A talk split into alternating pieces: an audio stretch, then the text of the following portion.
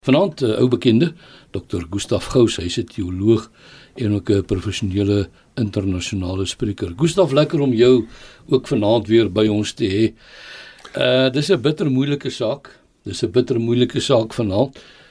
Die onderwerp is hoe hanteer ek dood om my as gevolg van COVID en natuurlik dan ook COVID verwante siektes of en allerlei goed wat gebeur nou net, né? Maar uh, kom ons sê net gou dat die mense baie welkom is om SMS'e te stuur. Hulle kan SMS'e stuur. Ons kan natuurlik nou nie vanaand direk antwoord nie, maar dit sal metterwyl sal dit uh, beantwoord word. 45889 45889 kan jy jou vrae instuur en uh, elke SMS kos R1.50.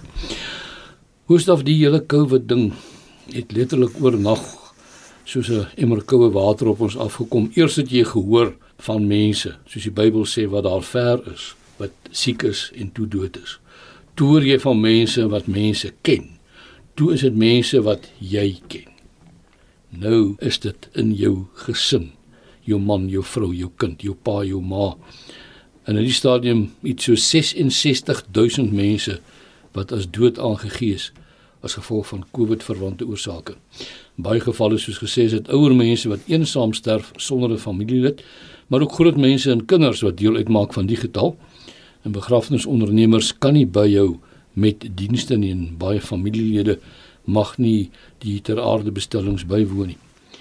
Daar's uh, bykans niemand wat nie weet van iemand of 'n familielid wat reeds aan COVID gesterf het nie. So baie dood om jou, né? Hoe hanteer jy dit? Ons moet 'n bietjie daaroor praat vanaand, Gustaf.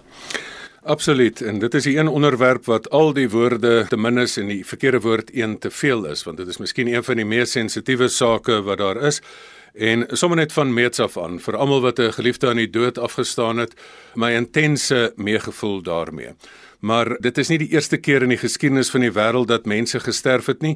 So kom ons gesels oor hoe hanteer ek dan die dood om my as gevolg van COVID? Ja.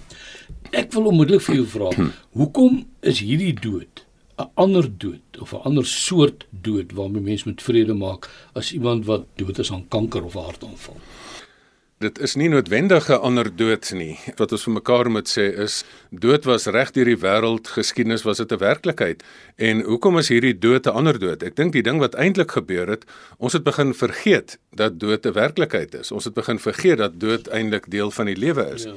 En dit is nie net nou se probleem nie. Daar was vroeëre tyd, daar was oorloë, daar was die Tweede Wêreldoorlog, daar was vorige groot situasies, daar was die sogenaamde Boereoorlog. Daar was soveel tye wanneer mense intens swaar gekry het en in die normale loop van omstandighede in vredestyd dan begrawe kinders hulle ouers in oorlogstyd begrawe ouers hulle kinders Nou in hierdie tyd is COVID meer geneig om ouer mense plat te trek. Ja, ja. Weet jy wat is ons probleem? Ons probleem is ons het begin ophou dink aan die dood. Ons het gedood uitgerangeer. Ons het geprobeer maak asof dood nie deel van die lewe is nie. En jy moet daar eenkant gaan doodgaan. Onthou in die ou tyd het die mense in die huise dood gegaan. Dit was deel van die lewe. Nou moet jy eenkant gaan. Jy moet in 'n hospitaal gaan. Jy moet elders heen gaan. As jy mooi na die lewe kyk, die lewe het eintlik net twee vakke.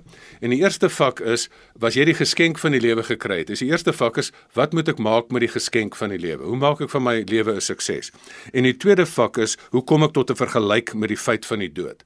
Maar ons het vergeet van die tweede vraag en ons het gemaak asof dood nie daar is nie. Nou word ons herinner daaraan, maar dis nie die eerste keer in die wêreldgeskiedenis nie en is ook nie die laaste keer nie. Hierna gaan daar nog baie mense ook sterf en dit nie as gevolg van COVID nie, as gevolg van ander redes. Ja. Kom ons kyk 'n bietjie hoe hanteer ek die dood van 'n vriend? Die impak van die dood van 'n geliefde is op eerstens totale lewensontwerp. Jou hele lewensplannetjie is omvergegooi. Jy het beplan om oud te word saam met hierdie persoon. Jy's geheg geraak aan hierdie persoon, jy's lief vir hierdie persoon en nou skielik is die persoon nie meer daar nie. So jou hele lewe is op sy kop op daai oomblik. Elke dag van my lewe sit ek in die spreekkamer om saam met mense te sit om hoe hierdie impak te verwerk. Want daai impak is nie net op jou lewensplan vlak nie, dis ook op jou emosionele vlak. Want die dood kan jou of verlam dit kan maak dat jy letterlik niks meer verder kan doen nie. Of jy kan met intense hartseer gelaat word want jy is alleen gelaat. En jy het al vir die besef dat jou lewe nooit weer dieselfde gaan wees nie. Jy's dalk sonder jou sekuriteit en dies meer. En ek dink hierdie impak van die dood, party van ons het dit al voorheen beleef. Ek onthou een van my grootste lesse in wat mense doen met die feit van die dood is toe my twee beste vriende jare terug 'n studentevriende in 'n motorongeluk oorlede is en my lewe was ook verlam. Ek het aan my pa se spreekkamer toe gestap en daar ingestap en gesê na die begrafnis Woensdag by die een persoon en Donderdag by die ander persoon en Vrydag sê ek vir my pa, hulle kan nou maar môre afstel weens 'n gebrek aan belangstelling. Mm. Ek hou nie van die lewe nie. As dit die lewe is, die goeie mense sterf. Wat is hier aan die gang? En hy het my kop geswaai daai dag dat hy vir my gesê het Gustaf, die feit dat jy jou dood van jou vriende sien, is dit 'n teken van die dood um, of is dit 'n teken van lewe? En hy het my kop geswaai en gesê, "Maar weet jy, hulle dood is 'n teken van lewe. Wie se lewe jou lewe?" En al is jy hartseer, al is jy in trane, moet jy nie vra maar hoekom het ek oorleef en hulle nie. Jy moet sê maar daar's 'n rede hoekom jy oorleef het. En ek het nie die Engelse praat van survival guilt, oorlewingsskuld. Hy het my geleer dat jy nie oorlewingsskuld het nie, maar jy het oorlewingsverantwoordelikheid. Die effek waar, waar ek aan aanvanklike totale verlamming was en sommer net wou opgee in die lewe self en wat is nou die sin van hierdie hele besigheid as ja. die mense vir wie jy lief is nou sterf? Het ek besef maar ek kan nie aflosstokkie optel. En tot vandag toe nog as ek passievol praat voor gehoor en dis meer, baie word teruggevoer na daai oomblik dat ek besef het ek het nog 'n geskenk van die lewe. En terwyl ek hom het, gaan ek regtig voluit leef. So ek het oorlewingsverantwoordelikheid en ek gaan voluit leef. Want eendag weet ek ek gaan die aflosstokkie oorgee, maar tot dan gaan ek voluit leef. So die impak kan verlamming wees, maar die impak kan dan ook herontwerp van jou lewe wees. Het jy later weer sê maar weet jy ek kan nie aflosstokkie optel, ek kan aangaan. Daar is lewe na dood, ook die dood van 'n geliefde. Ja, dis 'n wonderlike verhaal wat jy nou uit jou eie boek vertel het as mense dit nou so kan stel. Ek sit net en wonder nou dit wat jy nou gesê het die aanvaarding van die aflosstokkie wat jy aangee en eers vat en dan aangee sou mens dit kan vergelyk met vrede wat gemaak word? Weet jy in 'n mate sê ek ja, mens moet vrede maak met die dood, maar een deel van my sê ook maar ek wil nie vrede maak met die dood nie. Ek wil proteseer teen die dood want dit is dan so ingryp. So in 'n een opsig wil ons sê nee, ek het nie vrede as 'n mens te jonk gesterf het. Ek bedoel dat jy voel my iemand het nog 'n lang positiewe lewe voorgehad. So so jy wil proteseer daarteen. Aan die ander kant, in plaas van vrede maak, ek sal dit eerder sê met jou versoen met die feit van die dood. Weet jy wat? Daar's geen persoon wat op aarde vir altyd en vir hmm. ewig leef nie. So ons almal gaan sterf. So as jy die lewe wil verstaan, moet jy besef dood is deel van die lewe. En ek dink die vrede wat jy met die dood kan maak is ook dat jy besef die dood is nie die laaste woord nie. As dit die laaste woord was, het ons darem maar 'n redelike slegte bestaan. Ek sê altyd vir mense ek glo voluit in lewe voor die dood en in lewe na die dood. Is interessant dat die Nuwe Testament sê bitter min anders oor die dood gesê as dat die dood oorwin is. Die dood is nie die finale woord nie, die dood is 'n werklikheid, maar sy angel is uitgetrek. So die dood is doodgemaak.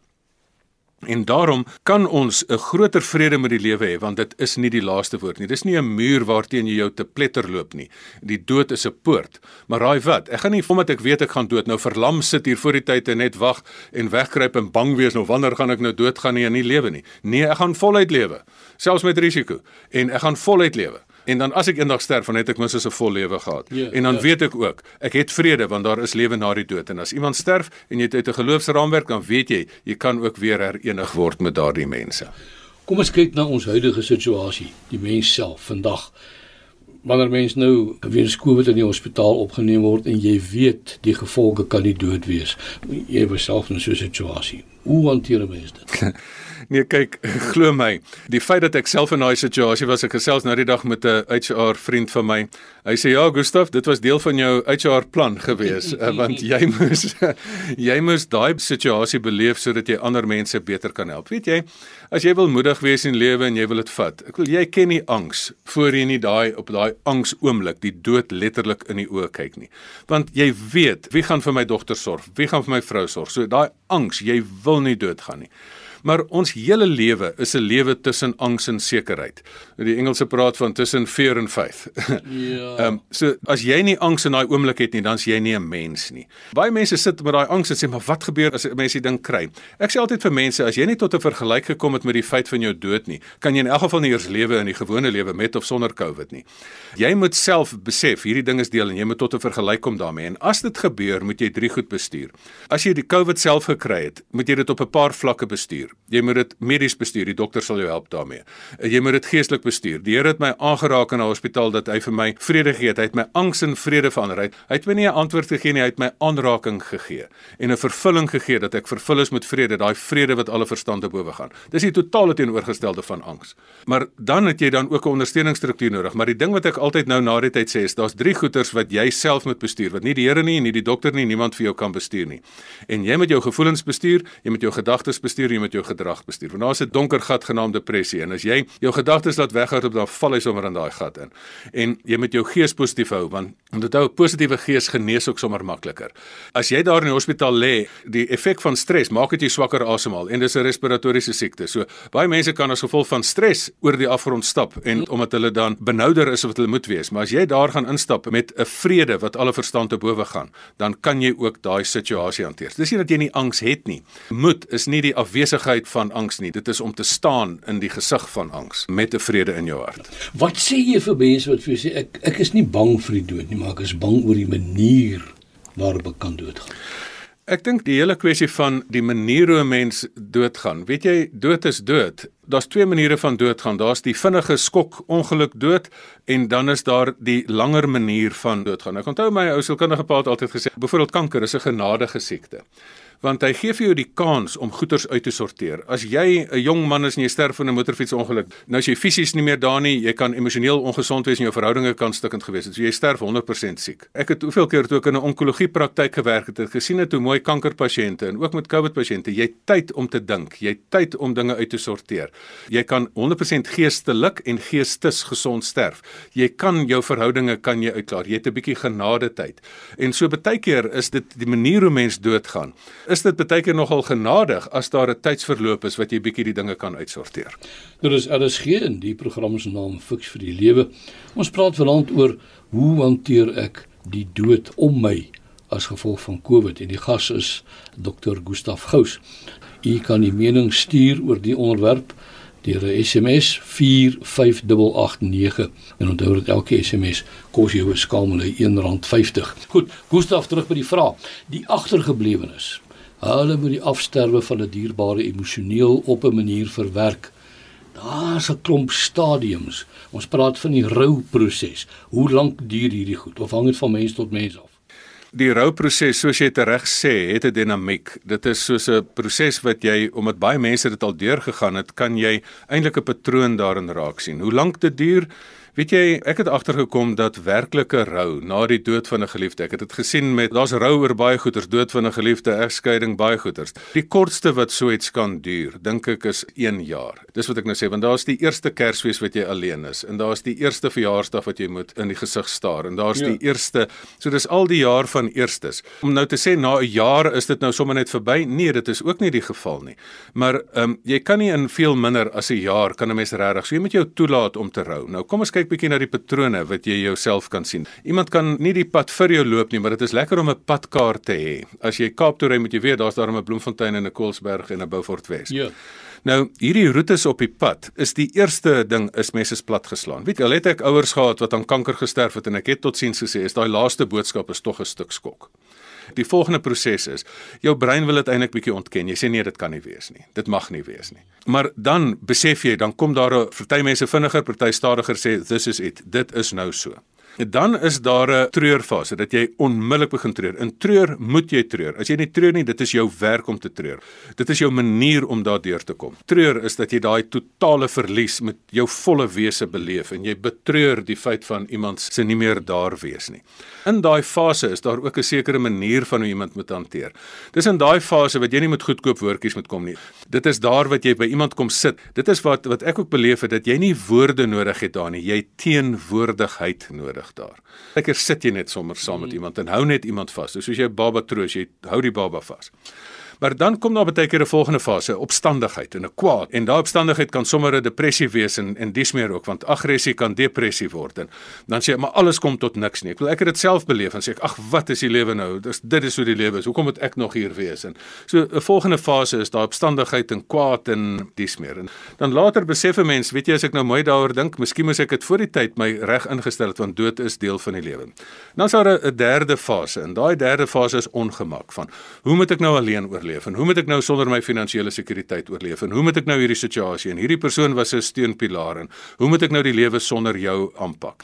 In die eerste fase het jy teenwoordigheid nodig en in die tweede fase het jy feite nodig. Mense um, kom tot 'n vergelyk met die lewe. Dood is deel van die lewe. Dit help nie ons kom in opstand daarteenoor nie. Die derde fase het jy gewone streshantering nodig. Daar moet jy gaan sit en sê, "Hoe gaan ek nou met die alles in my nou hierdie nuwe situasie weer hanteer?" Maar weet jy, daar kom ek dan 'n interessante verdere fase en dit is 'n nuwe ontdekkingsfase in my nuwe lewensfase het ek ook nuwe geleenthede. As mens getroud is, leef jy in jou huwelik in. Nou kan ek meer as 'n enkel persoon uitwaarts leef en in 'n ander nuwe lewenshoofstuk oopmaak. So dit is 'n ontdekkingsfase. En dan is daar 'n kom ons noem dit nou maar 'n verstaan of aanvaardingsfase. Dat jy besef ek versoen my nou, ek aanvaar nou dit is die situasie en en dan kom daar 'n integrasiefase dat jy dit integreer in jou lewe en jy besef dit is nou my nuwe lewenswerklikheid. Maar dan is daar 'n baie mooi fase wat mense nie dokumenteer nie wat ek wil byvoeg en ek noem dit die herinneringsfase. Weet jy as jy mooi herinnering gemaak het, my hele lewe is skep oomblikke, skep momente, skep herinneringe. As jy in daai herinneringe sit, weet jy dit is daai waar jou lewe skatryk is. Vir party mense is die dood van iemand wat jou seer gemaak het getraumatiseer. Dis 'n ander werklikheid. Maar vir baie mense het jy mooi herinneringe. En weet jy, jy hoef nie die herinneringe dood te maak nie. Jy kan met die herinneringe kan jy saamdra. Hmm maar uh, herinneringe is daar dat jy nie net nostalgies moet vashou in die verlede nie. Herinneringe is daar om te sê ek het 'n mooi hoofstuk gehad, maar hy moet jou nie verlam dat jy nie jou volgende lewenshoofstuk dan ook voluit beplan, herbeplan, weer oopmaak en 'n nuwe lewenshoofstuk leef nie. Jy is by RSG en die program se naam Fix vir die Lewe. Ons praat oor 'n uh, eh, baie belangrike saak. Hoe hanteer ek dood om my as gevolg van COVID?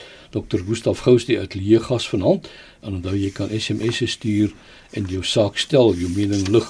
Die nommer is 45889 45889 en elke SMS kos R1.50. Dit is besig om ons in te haal. Gustaf, maar ek moet nog vra. Mense sê soms dat jy jou moet regruk en oor jou verlies kom, maar hoe tel ek weer die drade op nadat ek my geliefde of vriend verloor het? Ek dink dit is baie onsensitief vir mense om te sê van en, en onervare terapeute sal sê man ruk reg of gaan weg en so aan. So en ek dink nie hulle besef die diepte van pyn nie. Ou tannie Hester Reese het na die dood van haar man het sy gedig geskryf en gesê jy het my tot in die afgrond in bederf en om jou te verloor is tot om in die afgrond in te sterf. Ek dink nie mense snap daai diepte van dinge nie. In 'n ander opsig moet mense maar vir jou so uiteindelik 'n bietjie tot op die punt kom en vir jou sê maar luister, jy sal moet aangaan. Ek het eendag 'n vriend gehad wat vir my gesê hy ek het getreur oor 'n ding. Toe sê hy vir my Gustaf, jy is soos 'n hond op jou baas se graf. Jy gaan hier sterf, maat. My pa het vir my op 'n stadium gesê, Gustaf, jy krap in assies van uitgebrande vure. Weet jy wat? Jy mis nou nuwe kampvure waarna toe jy kan gaan. So mense sal vir jou op 'n stadium moet sê en sê luister, wil jy nie druk nie, maar jy sal moet aangaan. Daar is lewe na die dood en ook lewe na die dood van 'n geliefde. So daar's lewe na enigiets. As 'n mens dan sê maar, hoe tel ek weer die stukke op? Daai stukke is onmiddellike krisisbestuur. Maar dan moet 'n mens baie keer vir jouself 'n noodoorlewingsplan gee. Wat jy vir jouself dan sê ek moet my forceer om die eerste tree te gee. Churchill het op 'n stadium gesê if you go through hell just keep going. Moenie gaan sit nie want dan gaan jou boude ook nog brand. Jy moet aangaan. En dan moet 'n mens natuurlik 'n langer termynplan hê waar die lewe dan vir jou jou huidige toekomstige ding wat jy beplan het opgeskeur het, dan moet jy vir jou 'n nuwe toekoms bou. So moet mens eer die persoon deur te treur natuurlik, maar moet jy jy aangaan. Natuurlik, ons het geen ander keuse as om aan te gaan nie. Wat van praat? Baie praat, praat, praat oor die dood. Reg of nie goed nie?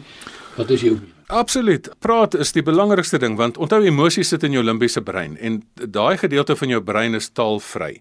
Daai emosies reneer jou innerlike tuin van vrede en as jy begin praat dan gee jy name vir jou emosies. In die spreekkamer kom mense altyd my toe dan het hulle nie hulle emosies nie, hulle emosies het hulle.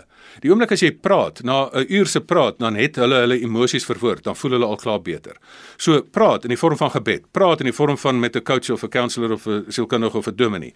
Of jy gedigte skryf. Wat is 'n gedig? Is 'n kompak verpakte emosie. So jy moet dit uitpraat en ek dink die dinge wat jy nie met 'n emosie moet doen nie, jy moet hom nie ontken nie want dan gaan hy soos 'n soos 'n bal wat jy onderdruk gaan hy uitpop onder die swembadwater uit. Jy moet hom nie saamsleep nie want daai emosies gaan dan vir jou verlam.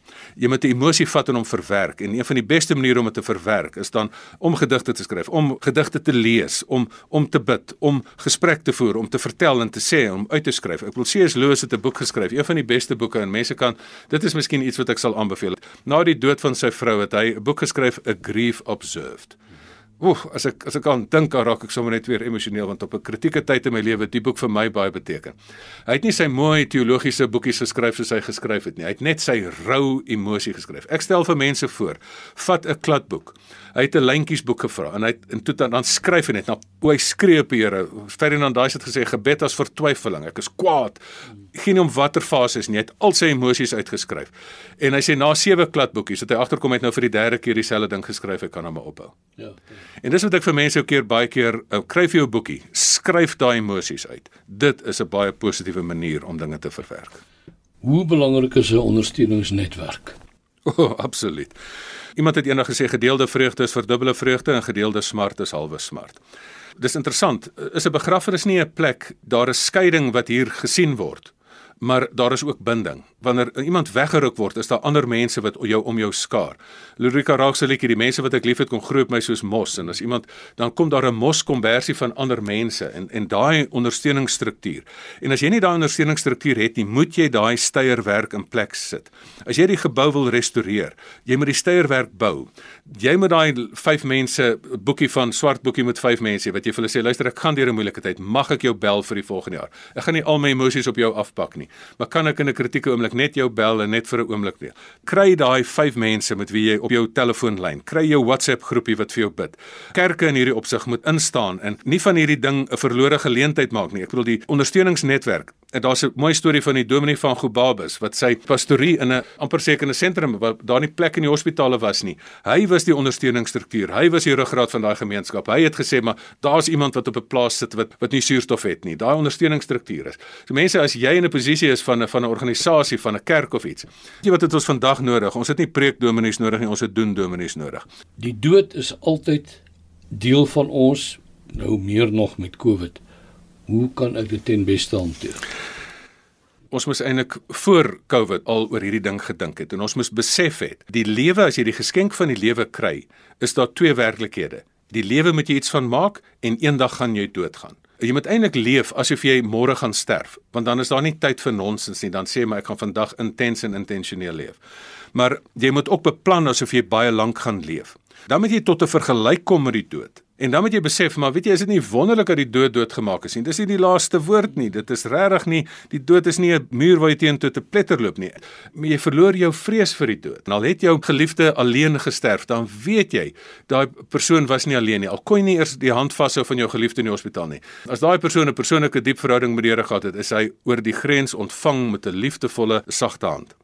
As ek dan weet van die dood, gaan dit nou my verlam?